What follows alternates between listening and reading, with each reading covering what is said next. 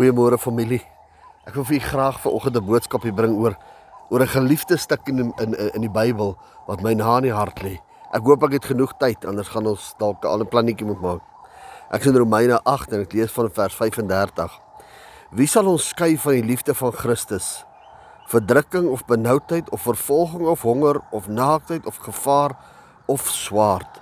Soos geskrywe is, om u ontwil word ons die hele dag gedood ons is gereken as slagskape. Die, die skrifgie kom en hy sê, wie sal ons kon skei? Wie sal ons apart kan maak? Wie sal ons kan wegvat van die liefde van Jesus Christus? Sal dit dalk wees verdrukking of benoudheid of vervolging of honger of naaktheid of gevaar of swaard. So hier is 'n klomp goeders wat ou Paulus kom lys hierso wat ons moontlik kan wegvat en wegtrek van die liefde van Jesus af.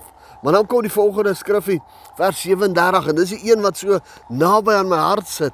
Hy sê, "Maar ten midde al hierdie dinge, hoor mooi, ten midde al hierdie dinge, terwyl hierdie dinge gebeur, al gebeur dit dat daar benoudheid is, al gebeur dit dat ons in die oorlog betrokke is, al gebeur dit dat daar honger is, al gebeur dit dat daar oorvloed is, al gebeur al hierdie negatiewe dinge, ten midde al hierdie dinge, is ek nog steeds meer as 'n oorwinnaar deur Jesus Christus wat my liefgehad het.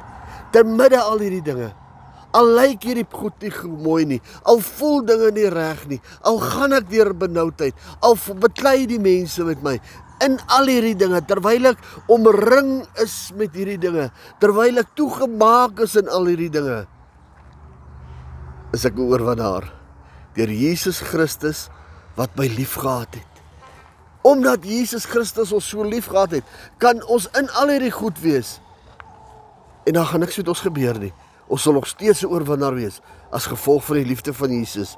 Maar nou kom Paulus verder in vers 38 hy sê want ek is verseker dat geen dood of lewe of engele of owerhede of magte of teenwoordige of toekomende dinge of hoogte of diepte of enige van die eh, enige ander skepsel ons sal kan skei van die liefde van God wat daar is in Christus Jesus ons Here nie.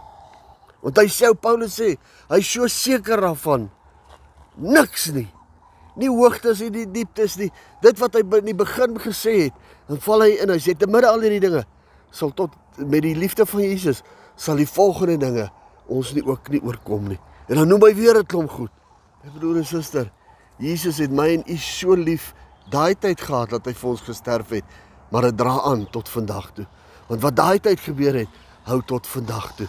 Want omdat hy lewe, omdat hy nog steeds lewe, hy het opgestaan en hy sit nou net by Vader en bewerkstellig ons heiligheid by Vader. Is dit nie mooi nie?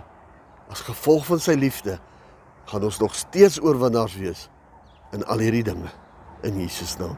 Jy wat bekommerd is, weet Jesus het jou lief en sy liefde gaan jou maak dat jy oorwin. Vrede Lekker dag vir julle in Jesus naam.